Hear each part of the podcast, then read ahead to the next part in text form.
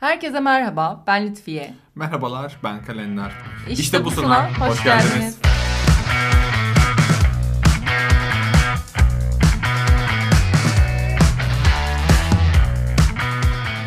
Selam arkadaşlar.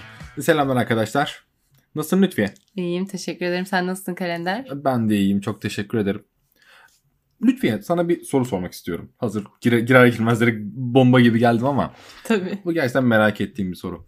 Ee, sen normal günlük hayatında çalışırken, iş Hı-hı. yerinde ya da e, ne bileyim bir işin bir projenin başındayken, koştururken e, ara ara telefonlarında, sosyal medyada ya da bilgisayarında farklı, farklı sitelere, haber sitelerine falan girip çıkıyor musun çok fazla? Tabii ki.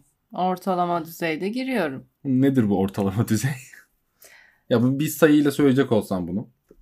Hani yani zaman olarak. Ortalama bir saat rahat giriyorumdur. Ya gündemi takip etmek için ya elim sosyal medyaya giriyordur. Yani bu iş dışında baktığım süre bir saati buluyordur rahat. Anladım.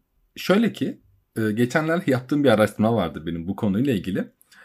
2020 e, yılında yapılan bir araştırma sonucuna göre çalışanların %65'i iş saatleri içerisinde kişisel e-postalarını kontrol etmek için iş bilgisayarlarını kullanıyormuş. İlginç bir oran. Aynen. Hatta iş yerindeki çalışanların %45'i sosyal medya platformlarına erişim sağlıyor ve bayağı günlük olarak bu platformları kullanıyorlar. Benim gibi. Aynen. Hatta bunu ben de yap- yapıyorum çoğu zaman. Ve yine bu araştırmanın devamında ise iş yerinde çalışanların %30'u çevrim içi alışveriş yapmak veya çevrim içi oyunlar oynamak için yine iş bilgisayarlarını kullanıyor.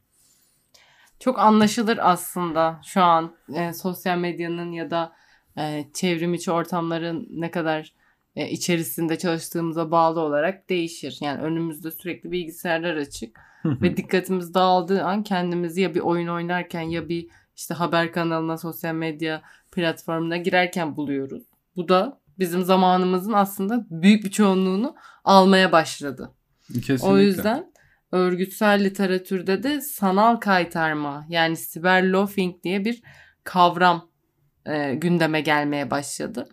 Nedir sanal kaytarma? Çalışanların iş yerinde interneti veya diğer dijital araçları kişisel amaçlar için kullanarak iş verimliliğini düşürdüğü bir davranış yani genel olarak verimliliği düşürücü bir davranış olduğunda bu sanal kaytarmadan bahsedebiliyoruz.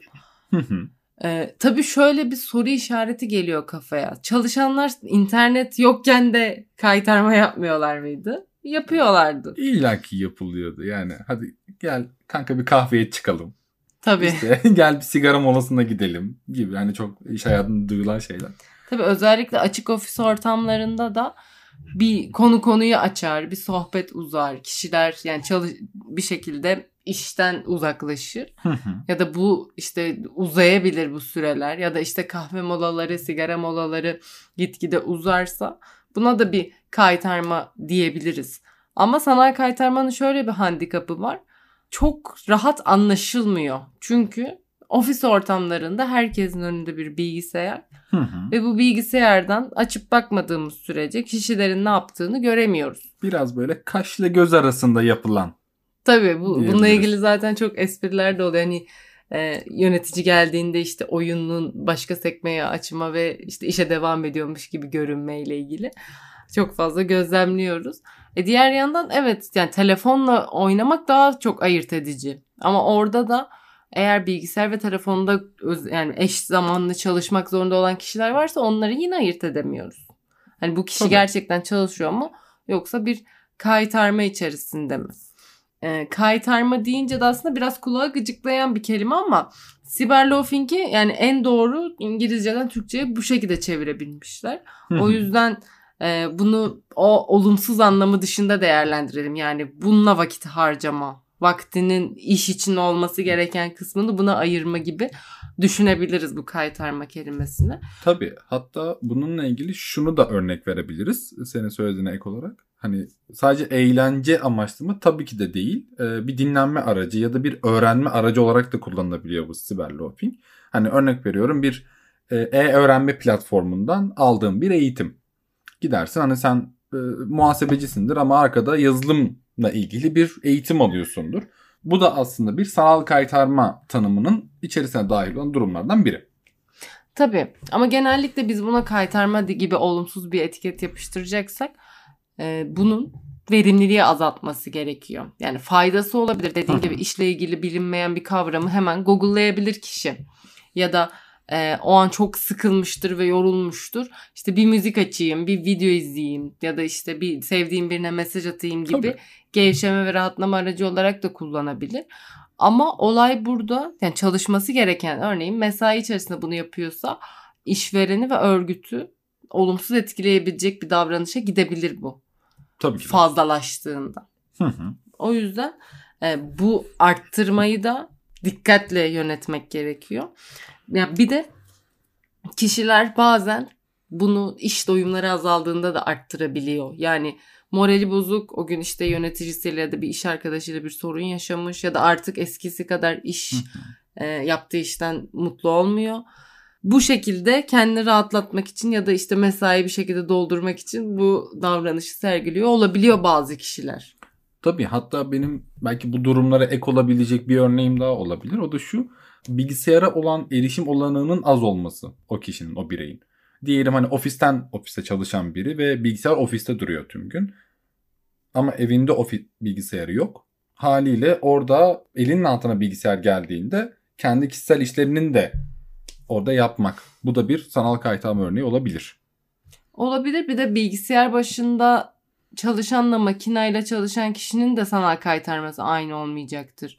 Yani bilgisayar başında olan bir insan zaten anında başka bir platforma girebilir. Ama makineyle çalışan bir de riskli işlerde çalışan işçilerden bahsedersek ya da e, bir üretim bandında olan kişilerde bu kişilerin zaten sanal kaytarma yapması riskli bir duruma gidebilir. Tabii o iş yüzden, sağlığı güvenliğinde bu büyük sorunlara sebebiyet verebilir. O yüzden yani o kişiler zaten muhtemelen o alanlara girerken de telefonları çok fazla yanlarında olmuyordur. Yani çoğu yerde en azından.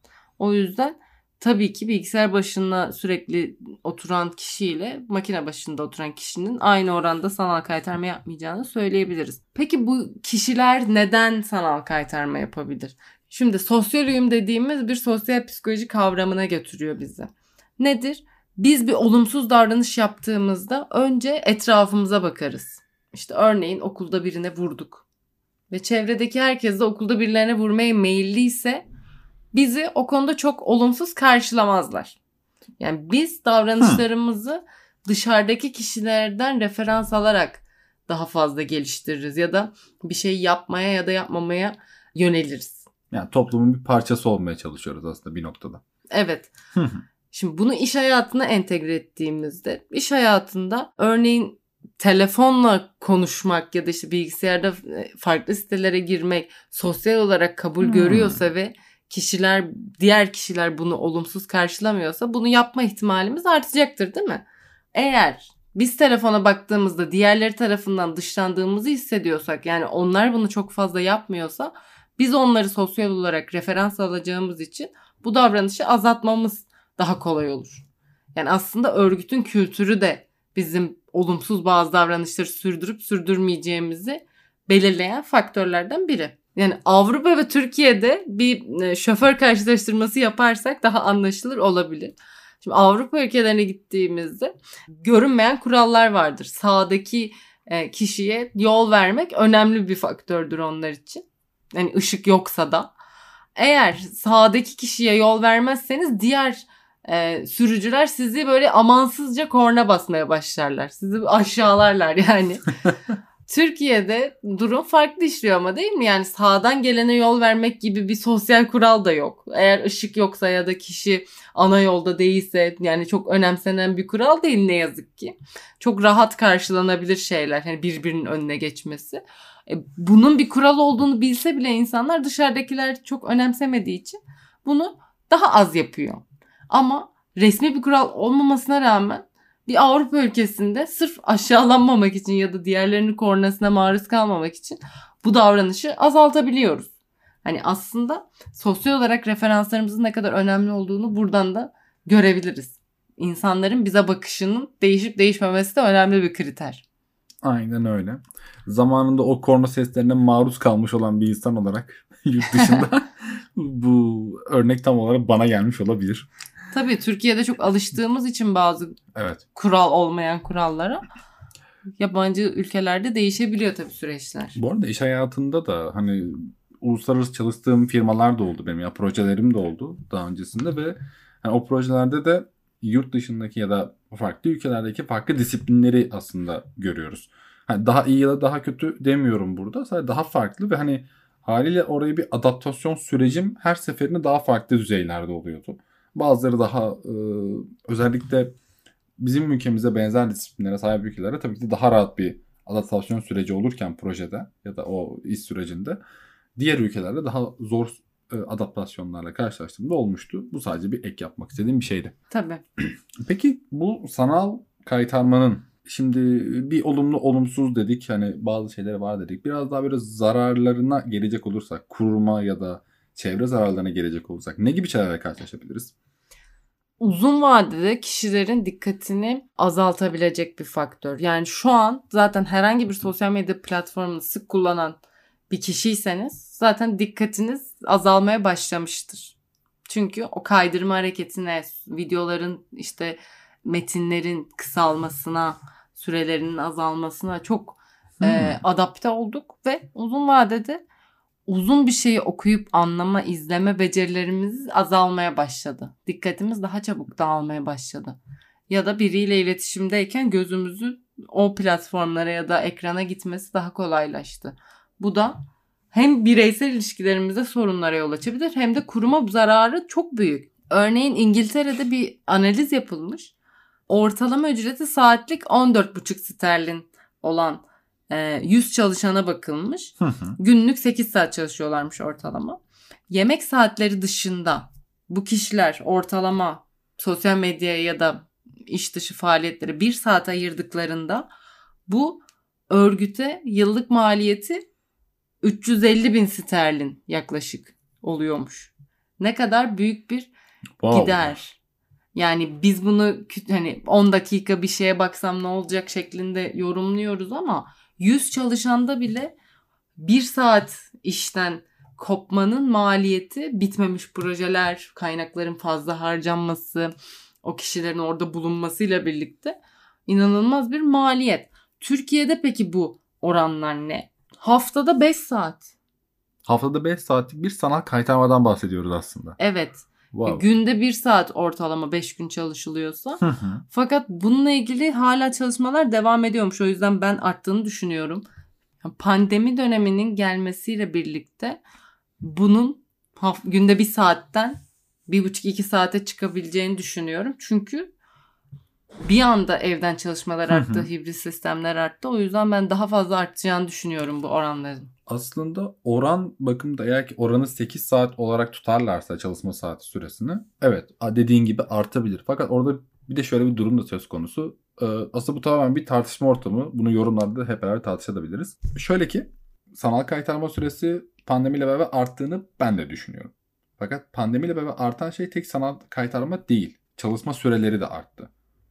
Çünkü zaten e, çalışanlar evde oldukları için e, işverenler zaten evdesin bakabilirsin. Ya da çalışanın kendisi de ya ben bugün enerjim var biraz daha bakabilirim. Aslında o biraz da işi sahiplenmenin verdiği bir şey. Hı hı. Derken aslında çalışma süreleri de uzamaya başladı Tabii. paralel. Hani eğer ki bu gerçekten çalışma süresinin 8 saat olarak alınırsa dediğin gibi sanal kayıt almanın süresi artacaktır. Fakat çalış- bu çalışma süresinin uzaması da dahil edilirse oran belki de yine aynı kalacaktır. Olabilir. Bu da yine araştırmacıların eklemesi gerekip e, düşünmesi üzerine düşünmesi gereken bir şey. Evet doğru söylüyorsun. Ee, işverenlerin de beklentileri ya da kişilerin fazla iş yapmaları işte ya da toplantıların uzaması bunlar da iş yapış sürelerini arttırmış olabilir. Belki de oransal olarak çok fark etmemiş olabilir. Ama kurumlara döndükten sonra da o kaytarma sürelerinin arttığını görebiliyoruz tabii ki. Yani Tabii ki bunu de. araştırılması gereken konulardan biri. Ee, bazı araştırmacılara göre e, sanal kaytarma yapan çalışanların verimliliklerinin %30-40'ı kayboluyormuş. Bunun ne kadar kuruma zarar verebileceğini düşünebiliyor musun? Tahmin dahi edemem. Yani bu şey değil bu arada. Yani bu sosyal medya ya da internet bir bağımlılık haline geldi. Bu kesinlikle üzerine çalışılması gereken de bir konu. Kişiler çünkü elinin altında oldukça Evet. bu davranışları daha kolay yapmaya başladılar. O yüzden kurumlara zararı, kişilerin kendilerine de zararı bir projeyi %30-40 daha yavaş ve ya da daha verimsiz yapmanın kişiye de bir kişisel gelişim olarak zararı olacaktır. Ve bu tatminsizliği de arttıracaktır eminim ki. Burada aslında bir örnek daha vermek istiyorum. Çok ilgimi çeken bir örnek. Ee, Victoria's Secret öğlen vakti bir yayın yapmış ve çalışanları bir ölçmüşler. Ve aşağı yukarı 2 milyon kişi bu yayını izlemiş. Hani iş yerinde o an öğle yemeğinde olmayan kişiler bile öğle vaktinde bu yayını açtığı zaman 2 milyon kişinin ortaya çık- çıkardığı zarar e, ve ekonomiye maliyeti 120 milyon dolar. Wow. İnanılmaz değil mi? Bu öncelikle harika bir sosyal deney. Kesinlikle. Kesinlikle. Ee, ve bir diğer konu hani buradan da şunu anlıyoruz ki e, sürekli ellerinin altında telefonla aslında haberleri ne kadar anlık takip ettikleri yani kaytarmaya ne kadar meyilli oldukları da çok bariz bir şekilde ortada. Tabii ki. Yani bu noktada e, bu arada biz hep diyoruz ya işte çalışanlar daha fazla sanal kaytarma yapıyor. Ama araştırmalar yüksek düzeydeki çalışanların daha fazla sanal kaytarmaya meyilli olduğunu bulmuş. Bu da ilginç bir örnek. Yani bu 2 milyon Victoria's Secret izleyenlerin çoğu yüksek düzey çalışanlar olabilir. Yani bunları biz yöneticiler dediğimiz yani kariyer basamaklarına ne kadar tırmanıyorsan o kadar sana kaytarma mı yapıyorsun? araştırmalar bunu gösteriyor. Tabii oransal olarak yeni çalışmalar da yapılabilir fakat bu kişilerin belki de başkalarına iş yaptırmaya dair kolaylıkları olduğu için kendilerinin bun- buna ayıracak vakitlerin daha fazla olduğu düşünülebilir. Ha biraz da hani bu işi sen yap, bu işi sen yap derken kendisine çok iş bırakmayıp arka planda da o boş kalan zamanını sosyal medyada doldurması gibi. Evet ya da zaten başkalarına iş yani yönetim yapan kişi oturup çalışan kadar e, içinde olmayabilir süreçleri koordine etmek demek belki biraz daha boş vakite sahip olabilmek demek. Bunun sonucu olarak da sıkıntıdan ya da e, yapacak başka o an işi olmadığı için bunları Muhtemelen. yapıyor Muhtemelen. olabilir. Aslında benim burada söylemek istediğim bir şey, ekleme yapmak istediğim bir nokta daha var. Hani sanal kaytarmanın verebileceği zararlarla ilgili. O da şöyle ki benim mühendislik geçmişim oldu, şey olduğu temelim olduğu için e, burada aslında biraz da işin sistem tarafına bakmak gerekiyor. Bu tabii sistemsel zararları da var. Öncelikle şu e, sen o şirketin, kurumun bulunduğun ortamı internetini kullanıyorsun. O band genişliğini kullanıyorsun ve haliyle kurum sistemini yavaşlatabilirsin Hı hı. kurumdan kuruma göre bu kurulan altyapıya göre değişir tabii ne kadar yavaşlatabildiği. Bunun e, yanı sıra yasaklı sitelere giriş yaptığın takdirde kuruma cezalar gelebilir. Evet önemli bir konu. Hani ya da burada bir diğer konu ise diyelim ki bankada çalışan birisin. E, bir banka bilgisayarından bunu yaptıysan sen aslında onun zararı sana sistemin güvenliğine açık hale getiriyorsun ve bir hacker onu hackleyip müşterilerin bilgilerine ya da paralarına ulaşabilir. Evet. Gibi. Bu da işin yasal ve önemli boyutları aslında. Kesinlikle. E, tabii bu dediğim çok uç bir örnek. Ne kadar olabilirliği sorgulanır. Hani bu sistem ne kadar güçlü olduğuna göre değişir. E, ve birçok firmada aslında artık şey var. Bilgi güvenliği tarafında. E, bu gibi internet kullanımlarına büyük kısıtlamalar getiriliyor. Hı hı. Ben de çalıştığım önceki kurumlarda bayağı hani çok basit LinkedIn'e girmek için bile izin istiyorduk. LinkedIn ki iş platformu aslında bir nevi e, tüm kurumsal hayatın, kurum çalışan her bir bireyin var olduğu bir platform aslında. Ha, oraya bile o, sos- o yere bile girerken özel izin istiyorduk. Gibi bir süreç vardı. Sadece bunu eklemek istedim. Tabii yani kurumların da çalışanların bilgisayarlarını izlediğini söyleyebiliriz bu şekilde o zaman. Tabii. Yani bir LinkedIn'e girmek için bir izin istiyorsanız tabii. Aslında bu da- izle- izleniyor. bu izlenmenin kişilerin bu davranışını azaltabileceğini de söyleyebiliriz. Çünkü ben bir iş bilgisayarından her platforma giremezsem bu girme davranışımı azaltırım. Kurumlar da belki bu davranışları azaltmak için bunları kullanıyor olabilir ki araştırmalar gösteriyor ki gerçekten politika olarak kişilerin bilgisayarlarının her siteye girmemesi ya da bu güvenlik açıklarından dolayı yasaklı bazı sitelerin olması sanal kaytarmayı da azaltabilecek bir şey. Yani faydası da olabilecek bir şey. Tabii bir yan, diğer yandan bazı programlarda kişilerin direkt masaüstlerini e, izleyebiliyorlar. Yani iş dışında işte Paint'te resim çiziyorsa bile onu görebilmek için bazı yazılımlar kullanıyorlar. Sen bu konu hakkında ne düşünüyorsun? Ben birazcık insanın doğasına aykırı görüyorum bu kadar ekranı izleme meselesinin olmasını. Aslında bu biraz daha işin tanımına göre değişen bir konu. Şimdi az önceki banka örneğinden süre geleceğim. Banka dediğimiz gerçekten aslında kritik bir meslek grubu. E, kritik bir sektör. Çünkü direkt olarak müşteri portföyünün e, maddi varlığıyla çalışıyorsun. Hı hı. Aslında onların paralarıyla çalışıyorsun. Onların hesapları sende bulunuyor. Onları korumak zorundasın. Yatırım yapmak istiyorlarsa yatırım araçlarını kullandırmak zorundasın. Buna bağlı olarak onların her bir güvenliğini sağlamak zorundasın. Bunun yanı sıra oradaki hiçbir bilginin açıklanmaması gerekiyor gibi gibi gibi.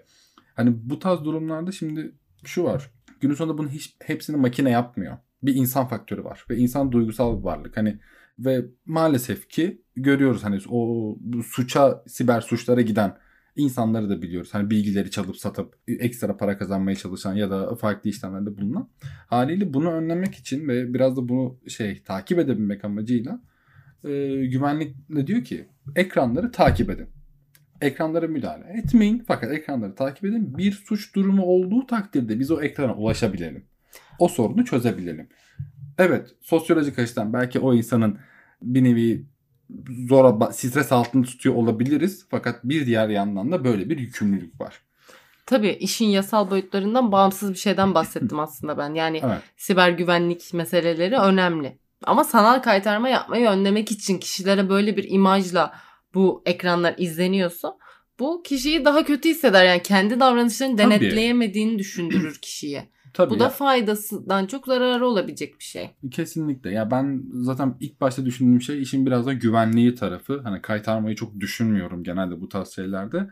Fakat dediğin gibi eğer ki bunu kaytarma, sanal kaytarmayı engellemek için spesifik olarak yapılıyorsa bu biraz daha aslında o kişiyi daha stres altına sokup daha zor bir çalışma sürecine şey yapabilir. Tabii bir de bunu İtebilir. şimdi kurumlarda biz insanlarla çok çalıştığımız için bir insan bir şey yapmak istediğinde onu yapar. Yani mesela Tabii ki de. ekranı izliyorsa telefondan girer yani çok da büyük bir mesele değil. O yüzden kişilere önce bunu e, nasıl yapacaklarını ya da nasıl yapmamaları gerektiğini öğretmek, e, kurumun kültürünü bu şekilde değiştirmeye çalışmak bence kişinin gelişimine açık bir şey. Hem de en garanti yön olur. Ee, örneğin ben telefonumdaki o dijital denge özelliğini açtım. Ekran süreme daha hakim olabilmek için. Ve o ilk hafta o sürelere bakmak beni inanılmaz şaşırttı. Yani nasıl bu kadar fazla işte ABC uygulamalarına girmiş olabilirim. Ki ben telefonda oyun oynayan bir tip de değilim çok fazla. O yüzden hani canım sıkıldıkça elimin tıkladığı bir sürü uygulama olmuş. Ya da hiçbir şey yapmadıysam boş telefonda dolaşmışım. Bunlar aslında günümün ne kadar uzun bir süresini kaybettirdiğini sonradan anladım. Şimdi kişilere de bu, bu tarz kendilerini gözleyebilecekleri imkanlar sağlanırsa özellikle de kurumlarda kişiler bu dijital dengelerini daha sağlam ve sağlıklı bir noktaya getirmeyi öğrenirlerse e, bu uzun vadede hem kendilerine çok faydası olan şeyler. Çünkü o sürede kendi için başka bir şey yapabilir. İlla hani sadece iş verimliliğini düşünmek zorunda değiliz. Kendine öğrenebileceği şeyler açabilir. Yani en basitinden açıp bir kitap okuyabilir. Ya da bilmediği şeyleri öğrenebilir. ya da dinlenebilir. Yani dikkatini hiçbir şeye vermeden sadece dinlenme süresini ayırabilir. Bunları kişilere öğretmek için tabii ki de e, eğitim aldırmak gerekiyor. Yani hem zaman yönetimiyle ilgili hem bu dijital meseleleri öğrenip kullanmayla ilgili bunları düzenlemekle ilgili eğitimler özellikle de pandemi döneminden sonra iyice yaygınlaştı. Yani o hibrit sisteme adapte olmak için de kişilerin eğitimden geçmesi gerekti ve bu dijital denge meselelerine de fayda sağlamaya başladı. Bunlarla ilgili ekstra dijital meselelerdeki zaman yönetimiyle ilgili e, etkinlikler ve eğitimler düzenlenebilir bence. Kesinlikle benim çok katıldığım ve desteklediğim bir konu. Bu dijital dengenin toparlanmasıyla ilgili. Bu sayede hem kişiler kendi dijital davranışlarının üzerinde bir farkındalık geliştirirler hem de bunları düzenlemeyi öğrenebilirler. Uzun vadede hem bireysel hem de örgütsel bir fayda sağlayabilir bu kişilere. Aynen öyle. Bunlardan bahsetmişken arkadaşlar bizim sizlere sanal kayıtlarla ilgili aktarmak istediklerimiz bunlardı. Ee, sizin bu konu hakkında görüşleriniz nedir? Eklemek istediğiniz hikayeleriniz ya da fikirleriniz varsa bunları dinlemek, öğrenmek, okumak isteriz. Lütfen sosyal medyalardan, e, medya kanalları üzerinden bizlere ulaşın ve bunları paylaşın. Evet kesinlikle bizim için de değinmediğimiz ya da önemsenmesi gereken yeni meseleler varsa bu konuyla ilgili dile getirilmesi gereken lütfen bizimle paylaşın. Biz de sizden geri dönüş bekliyor olacağız. Bu süre zarfında biz yeni bir sürece başladık. O da şudur ki e, LinkedIn üzerinden anketler yapıyoruz. Aslında bir sonraki bölümlerimizde hangi konulardan bahsedelim, e, neleri konuşalım, neleri tartışalım e, bunları bir anket eşliğinde aslında sizlere soruyoruz. Evet. LinkedIn üzerinden işte busun podcast olarak bizi oradaki sayfamızı takip edebilirseniz bu anketlere ulaşabilirsiniz ve bir sonraki bölümü seçmemizde bize destek olabilirsiniz. Ve bu sayede aslında hep beraber burada hepimizin katkısı bulunan bir yere dönüşür. Evet merakımızı da öncelikli olarak sizin tavsiyelerinizle giderebiliriz. Aynen öyle. Demişken çok teşekkür ederim Lütfiye. Ağzına sağlık. Senin de aynı şekilde. Görüşmek üzere arkadaşlar. Kendinize çok iyi bakın. Görüşmek üzere dostlar. Dikkat edin kendinize.